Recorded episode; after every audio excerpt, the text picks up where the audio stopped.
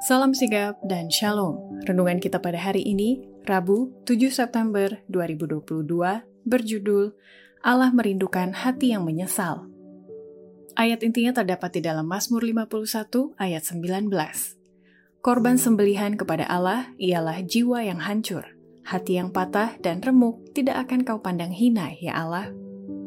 Pena Inspirasi menuliskan yang dimaksud dengan judul renungan kita pagi ini, Allah merindukan hati yang menyesal, adalah jawaban atas pertanyaan, siapakah yang mau?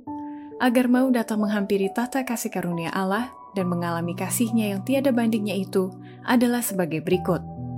Pertama, alasan Allah merindukan hati yang menyesal karena hanya oleh pengakuan dan penyesalan atas dosa-dosa oleh iman kepada Kristus, ia bisa membela orang tersebut di hadapan Allah Bapa di surga. Yesus tidak memaafkan dosa-dosa mereka, tetapi menunjukkan penyesalan mereka atas dosa mereka itu dan iman mereka, dan dalam memohon pengampunan bagi mereka, ia mengangkat tangannya yang telah terluka itu di hadapan Bapa dan malaikat-malaikat suci. Sambil berkata, Aku mengenal nama-nama mereka, aku telah mengukirkan mereka di telapak tanganku. Korban sembelihan kepada Allah ialah jiwa yang hancur, hati yang patah dan remuk tidak akan kau pandang hina ya Allah. Kedua, Alasan Allah merindukan hati yang menyesal karena pada hari pendamaian seperti sekarang ini, di mana Yesus sebagai imam besar di surga, pertobatan dari penyelidikan hati yang sungguh-sungguh dan mendalam atas dosa yang diakui oleh orang yang merendahkan diri di hadirat Tuhan yang berkenan dan diterima oleh Allah. Kita sekarang hidup pada hari pendamaian yang besar – dalam acara di Ka'bah duniawi, sementara imam besar mengadakan pendamaian bagi orang-orang Israel, semua diharuskan merendahkan diri mereka oleh pertobatan dari dosa dan merendahkan diri di hadirat Tuhan, agar mereka tidak dipisahkan dari antara umat itu.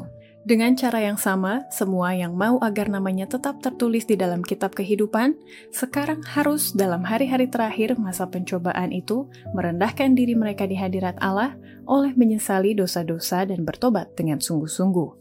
Harus ada penyelidikan hati yang sungguh-sungguh dan mendalam, roh sembrono dan menganggap enteng yang dimanjakan oleh banyak yang mengaku Kristen harus ditinggalkan Ketiga, alasan Allah merindukan hati yang menyesal karena hari ini adalah kesempatan terakhir bagi setiap orang untuk berdoa, berpuasa, dan menyelidiki hatinya yang terdalam di hadapan hadirat Tuhan. Setiap orang diharuskan menyesali dosanya dan merendahkan diri dan jiwanya sementara upacara pendamaian itu berlangsung. Segala pekerjaan sehari-hari harus dikesampingkan dan seluruh perhimpunan orang Israel pada hari itu merendahkan diri dengan sungguh-sungguh di hadirat Allah dengan berdoa, berpuasa, dan menyelidiki hatinya yang terdalam. Keempat, alasan Allah merindukan hati yang menyesal karena hanya orang yang berjalan dalam bayang-bayang salib Golgota tidak akan meninggikan diri dan tidak akan menyombongkan diri karena mereka telah dibebaskan dari dosa. Mereka merasa bahwa oleh karena dosa-dosa mereka lah yang menyebabkan penderitaan yang menghancurkan hati anak Allah, dan pemikiran ini akan menuntun mereka kepada penyesalan yang mendalam.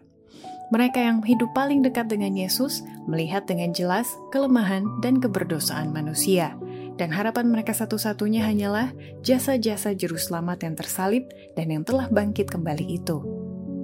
Demikianlah renungan kita pada hari ini. Kiranya Tuhan memberkati kita semua.